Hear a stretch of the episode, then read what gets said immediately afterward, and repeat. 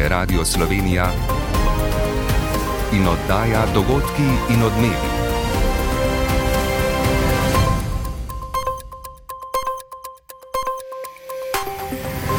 Ura je 15 in 30 minut. Dobar dan. Pozdravljeni. Premijer Robert Golop je v današnjem govoru pred evropskimi poslanci v Strasburu povdaril, da je ta teden ključen za Evropsko unijo glede ukrepanja proti visokim cenam energentov in pozval Evropsko komisijo k odločnejšim ukrepom na področju energije. Prav danes o mehanizmu za omejevanje cen plina razpravljajo energetski ministri unije. Premijer Golop. Sem velik optimist, da bo danes na tem svetu sprejeta odločitev, pa če tudi ta mogoče na prvi pogled ne bo optimalna bo pa enotna. Ministr za zdravje Daniel Bešič Loredan od zdravniškega sindikata Fides pričakuje podpis dogovora o odpravi plačnih nesorazmeri, v skladu s katerim se bodo plače zdravnikov zvišale za od 8 do 20 odstotkov. O za januar napovedani stavki zdravnikov minister pravi. Bi bilo pa precej nenavadno, da nekdo, ki se mu plača zveča stavka, Ob stoti obletnici rojstva pesnika Karla Destovnika Kajuha bo drevi v Trstu gledališko-radijski literarni večer iz cikla Ars Theatralis, ki je povezal vsa tri primorska gledališča - Goriško, Kopersko in Tržaško. Kot pravi režiser Alen Jelen, je Kajuh pesnik svetovnega formata. Po eruptivnosti, umetniški eruptivnosti, bi ga lahko primerjali tudi z našim srečkom Kosovelom, ki je tudi tako mlad odšel z tega sveta. V večjih hrvaških mestih so trgi že pripravljeni za vse navijače, ki si želijo večerno polfinalno tekmo med Hrvaško in Argentino spremljati na prostem. Jutri bo pretežno oblačno, nekaj jasnine bo občasno na severu države. Z vami sva Blaž Pernat in Biljana Polak. Premijer Robert Golop je dopoledne na plenarnem zasedanju v Strasburu nagovoril evropske poslance. Njegov nastop je bil sedmi v okviru cikla To je Evropa v njem, pa je največ pozornosti namenil energetiki in zelenemu prehodu, vladavini prava in geopolitičnim prizadevanjem, med katerimi je predvsem povdaril strateški pomen podelitve statusa kandidatke za članstvo v Uniji Bosni in Hercegovini. Efekt, ki ga ima vstop v Evropsko unijo, je transformativen. Mi smo se spremenili. Članstvo v Evropski uniji spremeni državo, spremeni pogled najprej ljudi, potem pa ljudje poskrbijo, da se spremeni tudi politika. Ne more biti drugače. Računati, da se bodo politične strukture spremenile same od sebi, je iluzorno in ne daje rezultatov. V Strasburu je naša dopisnica Mojca Širok pozdravljena, kateri so bili glavni povdarki premijevega govora. Dobar dan. No, slovenski premijer je začel in končal je v slovenščini o energetiki, pomenu obnovljivih virov energije, pomenu pravilne, varne prehrane in vladavini prava, pa je govoril v angleščini. No, začel je tako, da se je evropskim poslancem najprej predstavil in povedal je, da je bil, preden se je podal politiko, ustanovitelj in direktor energetskega podjetja, ki je po njegovih besedah dosegalo velike uspehe. Potem je v delu o energetiki opozoril na nujnost reforme energetskih trgov, kar bi onemogočilo špekulant in obrzdalo cene energije. Kritiziral je Evropsko komisijo, ker ni zadovoljen z ukrepi, ki jih je doslej predlagala. Po njegovih besedah bi morali biti bolj odločni. Države članice pa je pozval k enotnosti. In poslušajmo izjavo. Sam, ker prihajam iz majhne članice Evropske unije, se natančno zavedam dejstva, da samo takrat, ko se združujemo na podlagi svojih moči in vrlin in ko vsak prispeva tisto, v čemer je najboljši, lahko tvorimo skupnost, ki bo najuspešnejša. In takrat, ko je ta skupnost enotna in odločna, takrat lahko ta skupnost premika meje mogočega. No, eh, slovenski premijer je bil oseben tudi, ko je govoril o vladavini prava. Povedal je, da se je odločil izstopiti iz cone obdobja in vstopiti v politiko zato, ker je spoznal, da je prejšnja vlada vladavino prava uničevala sovražnim govorom, ogrožanjem neodvisnosti pravosodnega sistema in medijev. Končal pa je z velikim pomenom, ki ga ima po njegovih besedah za prihodnost Evrope in Zahodnega Balkana odločitev, da se Bosni in Hercegovini podeli status kandidatke za članstvo v Uniji.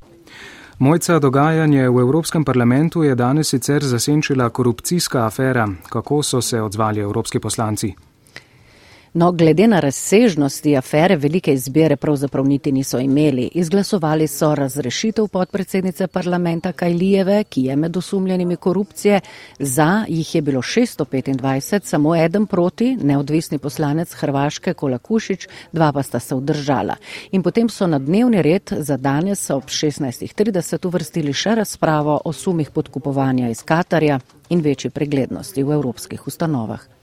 Evropska unija je sinoči vendarle dosegla dogovor o postopku proti Mačarski zaradi ogrožanja evropskih sredstev. Ali je Evropski parlament, ki se je zauzemal za ta ukrep, zadovoljen? Da in ne. Nekateri celo ocenjujejo, da je šlo za kravjo kupčijo, ampak velika katastrofa bi bila, če bi postopek, potem ko so ga uporabili prvič, propadal.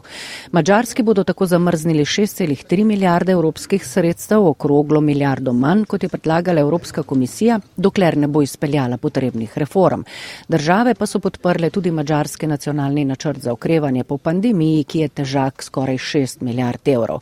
Budimpešta pa je tako v zameno pravim za zdaj, končala blokado dveh večjih evropskih projektov - pomoči Ukrajini in minimalnem davku na multinacionalke. Z nami je bila Mojca Širok, hvala in lepo zdrav v Brusel. Ministri za energijo članice Evropske unije na današnjem že petem izrednem zasedanju skušajo doseči dogovor o omejevanju cen plina. Evropska komisija je sredi novembra predlagala poseben mehanizem, s katerim bi zgornjo mejo cene zemeljskega plina pri pogodbah za mesec dni vnaprej omejili pri 275 evrih na megavatno uro. Številne članice, tudi Slovenija, s predlogom niso zadovoljne, saj pričakujejo bistveno nižjo ceno. Iz Brusla Igor Jurič. Razkorak med državami, ki nasprotujejo tako imenovani cenovni kapici in tistimi, ki so za njeno uvedbo, je očitno zelo velik. Že zjutraj se je srečanje začelo zamudo zaradi dvostranskih posvetovanj. Sredi dne, ko je bil prvotno načrtovan konec zasedanja, pa so razpravo prekinili za nova posvetovanja. Češko predsedstvo svetu EU je na mizo dalo kompromisni predlog.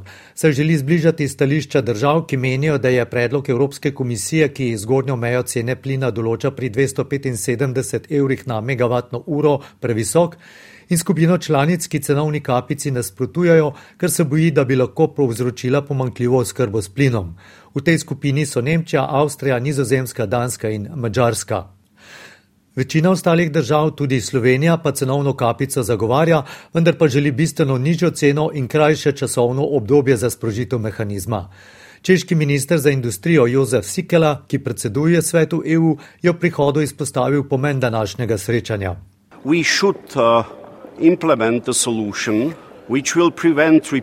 Moramo sprejeti rešitev, ki bo preprečila ponovitev dogajanja poleti, ko so cene zemljskega plina skočile v nebo.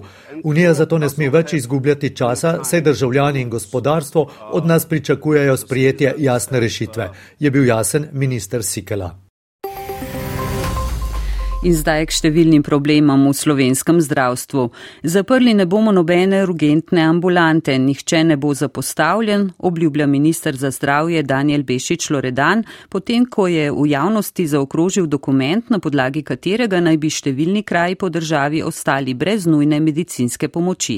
Gre za delovni dokument, zagotavlja minister, o katerem bo stroka razpravljala januarja. Več Katja Arhar. Dokument, ki je razburil vodstvo nekaterih zdravstvenih domov in številne župane, ki menijo, da se bo poslabšala dostopnost do nujnega zdravnika, je pripravila delovna skupina na povabilo ministra za zdravje Daniela Bešiča Loredana. Sedaj razpravljamo o dokumentu, ki ne obstaja, ki ni dokončen in ki ni bil nikoli posredovan in ni bil mišljen za širšo javnost. Dokument sicer predvideva reorganizacijo nujne medicinske pomoči v državi. Urgentni centri so preobremenjeni. Po ministrovih besedah pa kar 65 odstotkov pacijentov, ki jih sprejmejo, ni nujnih. Urgentni centri niso poliklinike in niso ambulante za akutno zbolele. Reorganizacija je nujna, opozarja minister Bešič Loredan. Ali bodo z njo zadovoljni vsi zdravstveni domovi, pa je drugo vprašanje. A minister miri. Ministrstvo ne bo nobenega prebivalca Slovenije izpustilo. Do konca januarja bomo dali jasno sliko. Prvič bomo pa postavili slehrnega prebivalca Slovenije v središče in bo imel enak dostop do nujne medicinske pomoči in obravnave v dežurnih službah, v mreži, tako da ne bo nihče izpadel. Tako minister za zdravje, kakšne bodo končne odločitve, kje bodo satelitski urgentni centri in čigave bojazni se bodo uresničile, pa bo znano v začetku prihodnega leta. Marsikje po državi so velike težave s pomankanjem družinskih zdravnikov. Velike težave ima zdravstveni dom Ljubljana. Minister Bešič Loredan je med izzive za naprej uvrstil tudi reševanje problematike v prestolnici. Še vedno odmeva tudi poziv direktorice Ljubljanskega zdravstvenega doma, da si zdravniki družinske medicine število stikov s pacijenti na dan lahko določijo sami. Več Peter Močnik. V letu 2021 in 2022 je zdravstveni dom Ljubljana skupno zapustilo 34 zdravnikov, večina je bila sicer nadomeščenih. Pri obravnavi pacijentov si pomagajo specializanti in študenti medicine, iščejo zdravnike iz tujine.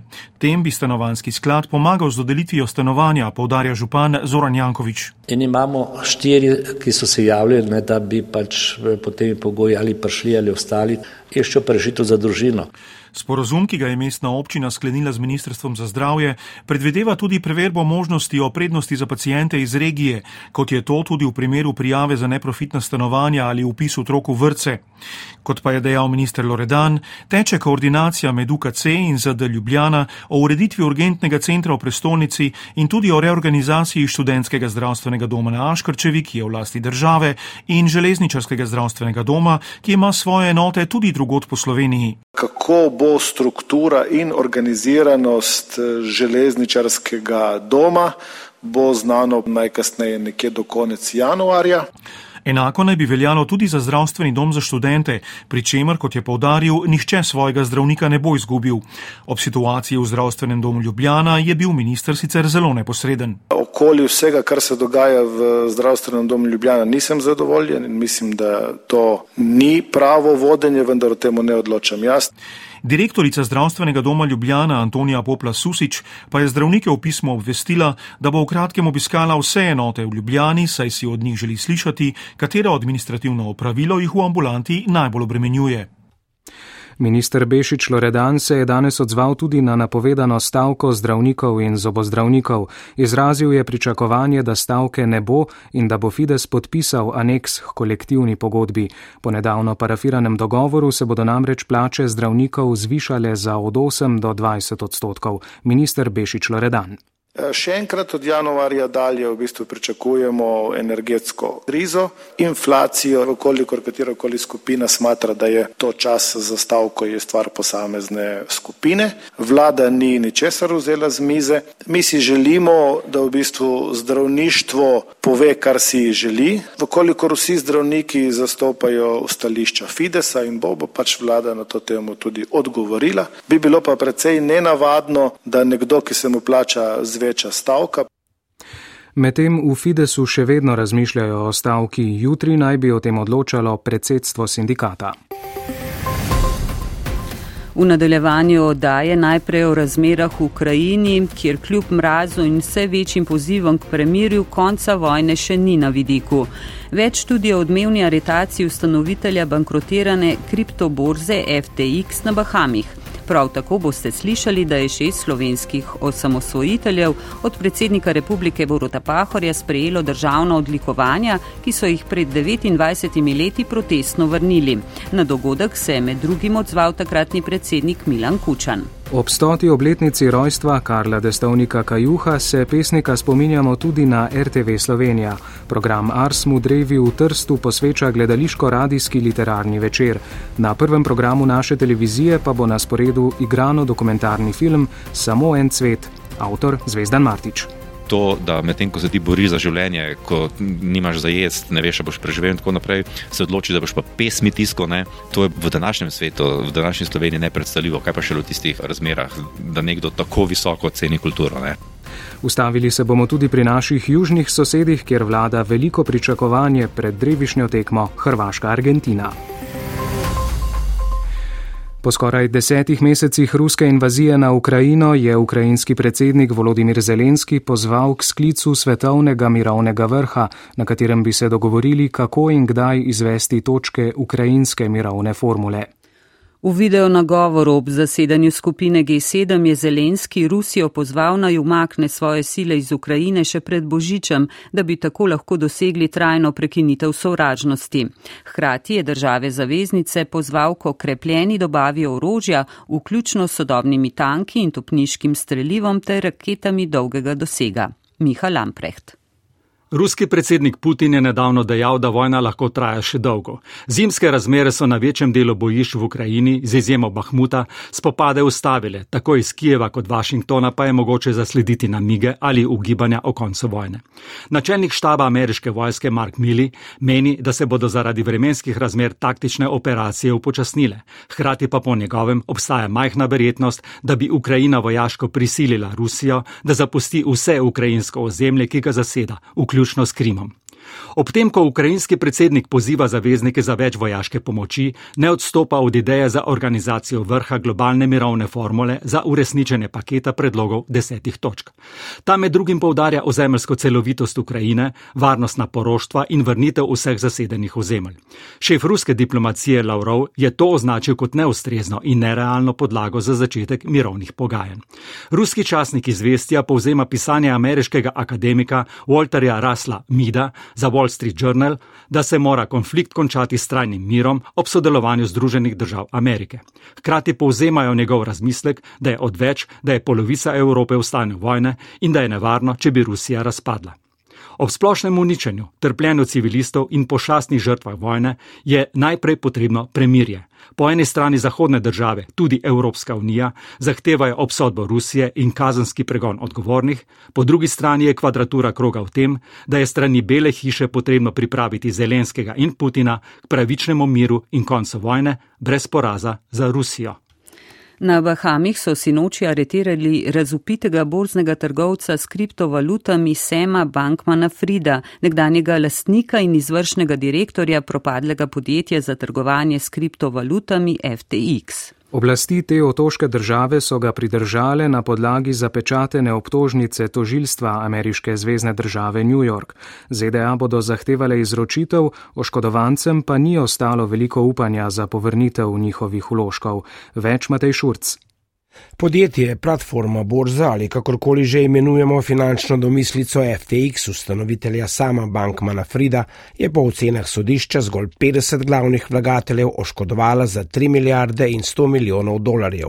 Koliko je ostalih oškodovancev, za zdaj ne ve nihče. FTX je bankrotiral prejšnji mesec, potem ko je spodletel rešilni prevzem strani konkurenčne platforme Binance. Takrat je večina vlagateljev v zgor treh dneh iz potrpljajoče se platforme izvlekla 6 milijard dolarjev. Bankman Fried je bil aretiran v prestižnem letoviškem kompleksu na Bahamih. V zadnjih tednih je od tam preko video povezave predaval o posebnostih poslovanja s kriptovalutami. Priznal je sicer nekaj menedžerskih zdrsov, zanika pa obtožbe, da bi denar denar vlagateljev namenjal za tvegane finančne pustolovščine.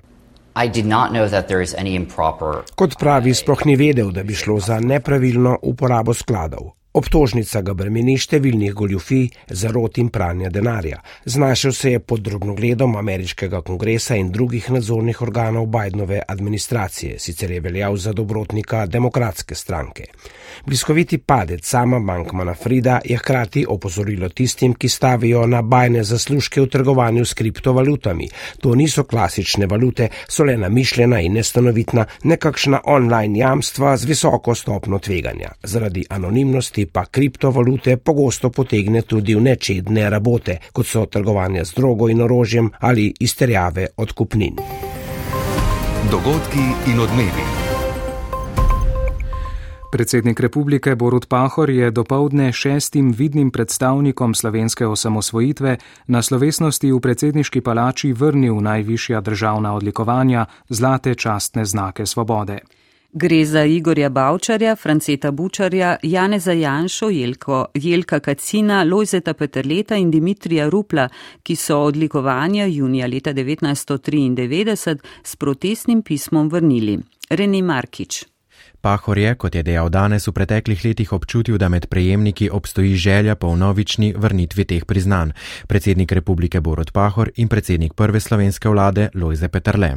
Zakaj sem ta predlog sprejel, da bi to storil, kot sem rekel enemu izmed njih, zato ker mislim, da je prav, da so stvari na svojem mestu. E, ta odlikovanja jemljemo kot pozornost do cele demosove vlade e, in še posebej e, se spominjamo in se poklanjamo tistim, ki jih ni več. Po ponovni izročitvi priznanj sta se med drugim oglasila tudi prvi predsednik republike, ki je priznanja leta 92 tudi podelil, Milan Kučan, in bodoča predsednica republike Nataša Pirc-Musar. Ta je na svojem Twitter računu zapisala, da je šesterica leta 93 z vrnitvijo častnega znaka izkazala odnos do države in ne do tistega, ki ga izroči. Meni, da vračilo ni primerno dejanje za izkazne strinjanja s trenutnimi političnimi razmerami. Čeprav bi jim sama vrnitev omogočila, pa je kot neprimerno označila v vnovično slovesnost. Kučan pa je v izjavi zapisal, da je bil ob novici o vračilu odlikovanja presenečen. Današnje dejanje po njegovem ne more izbrisati dejstva, da so bila odlikovanja državi vrnjena. Citiram: Nikdar nisem dvomil v temeljenost odlikovanj, ki sem jih šesterici uročil za njihov prispevek k osamosvojitvi Slovenije. Predpostavljam pa, da predsednikova odločitev o ponovni uročitvi zlatega znaka svobode pomeni tudi zavračanje in odrekanje argumentom, s katerimi so odlikovanje vrnili. Konec navedka. Odlikovanja je šesterica takrat sicer vrnila zaradi domnevnega razvrednotenja slovenske samostojnosti, zakaj so jih po skoraj 30 letih sprejeli nazaj, pa niso pojasnili.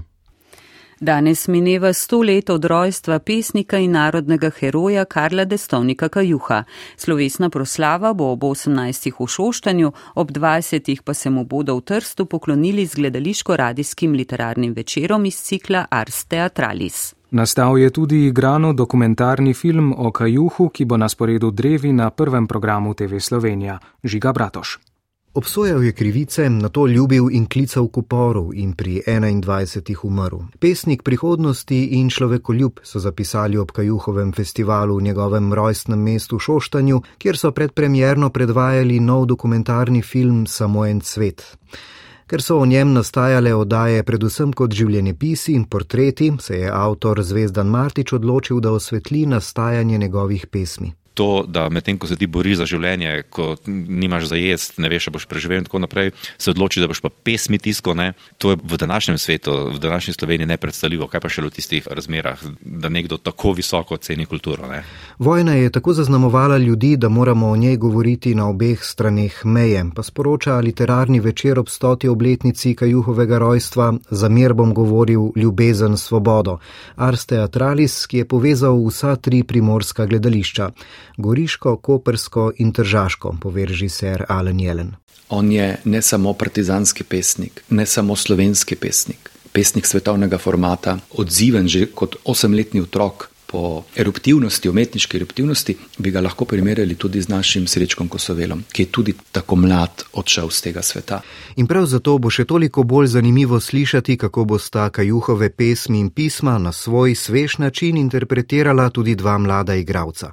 V slovenskem stalnem gledališču v Trstu bodo namreč nastopili Lara Wolf, Mak Tepšič, Istok Mlakar in Dušan Karistič. Neposredni prenos pa lahko ujamete na Arsu, ki tudi organizira dogodek. Argentina ali Hrvaška, katera bo prva finalistka svetovnega nogometnega prvenstva v Katarju, bo znano že čez nekaj ur. Pred štirimi leti so v obračunu z gavči slavili ognjeni Hrvati in apetiti so pri naših južnih sosedih tudi tokrat veliki. Utrip pretekmo je izmerila dopisnica Tanja Borčič Bernard. Ja, lepo zdrav iz Zagreba, kjer je sicer temperatura minus 3, ampak vzdušje bo proti večeru vse bolj vroče, kajti hrvaška nogometna reprezentanca nocoj igra v polfinalu svetovnega prvenstva in to proti Argentini. Vsa večja hrvaška mesta organizirajo skupinsko gledanje tekme na mestnih trgih. Pri nas v Zagrebu je bilo doslej gledanje tekem organizirano na Evropskem trgu, ki pa je postal premajhen za vse navijače, tako da so danes zjutraj z glavnega trga Bana Jelačiča začeli umikati predlagati adventno okrasitev, ker bodo tam postavili odr za skupinsko gledanje tekme. Župan Zagreba pa je že napovedal, da bodo v ponedeljek organizirali slavnostni sprem za nogometno reprezentanco, ne glede na končno uvrstitev. Vsi seveda danes nosijo te znane hrvaške kockice ali na majicah, šalih, kot zastavice na avtomobilih. Na srečo je tekma ob 8. zvečer, drugače bi bil tudi delovnik skrajšan. Nocoj so iz Zagreba poletela tri čarter letala za Doho. Pričakuje se, da bo na današnji tekmi okrog 7000 hrvaških navijačev. Naj povem še, da je vedeževalec Gibon Kent iz Zagrebskega živalskega vrta napovedal, da bo nocoj zmago odnesla Hrvaška. Kot ste slišali v oddaji, je danes pestro v Evropskem parlamentu. Evropske poslance je nagovoril premijer Robert Golob, med drugim se je zauzel za zakonodajne spremembe na energetskem trgu in izrazil optimizem glede sklenitve dogovora o omejevanju cen plina. Skranske policijske uprave so pred nekaj minutami sporočili, da je v enem izmed hotelov v Kranski gori dopoledne ušla nevarna snov. Dva človeka sta potrebovala zdravniško pomoč, posredovali so gasilci, ogled še poteka zadevo spremljamo. V prihodnjih minutah pa sledi šport tudi z izborom športnika leta v Sloveniji. Z vami bo Franci Pavšar. Hvala za pozornost in nasvidenje.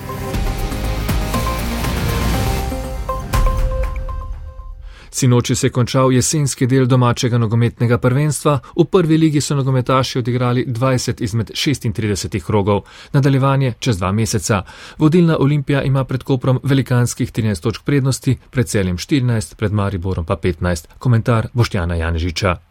V prvem delu sezone je bila Olimpija na zmagoviti poti. Prebuditelj trener Jera je sicer opozarjal na neučinkovitost, nemški upravniki pa ne sledijo njenim visokim ciljem. Podprvak Koper se je po odhodu številnih nosilcev igre ukvarjal z uigravanjem. Najdlje so v Olimpiji za ovratnik širokim kadrom dihali celjani. Na nekaterih položajih imajo po tri enake igralce. Prvak Maribor je po petih krogih, ko je bil zadnji, trenerja Karanoviča zamenjal zamenjal s krznarjem. Takrat so vijoličasti za zeleno-belimi, predno so izgubili tudi drugi večni derbi, zaostajali za 12 točk. Pred premorom so zavidljivo učinkovitostjo tudi vipotnika zmagali petkrat zapored. Domžale z mladim moštvom in Mura, ki je preveč spreminjala kader in igralne položaje, imata dve točki manj kot Maribor. Vmes je sedmi Bravo, brez dobrega napadalca, za obstanek pa se bodo borili Gorica, Radomlje in Tabor. Zadnji Kraševci, ki kjer je resna kriza, imajo točko manj. Radomelsko sodelovanje s Hajdukom se končuje, Gorici pa naj bi pomagali novi vlagatelji. Domače prvenstvo ima torej predah, na svetovnem prvenstvu pa so najboljše štiri ekipe v boju za naslov prvaka.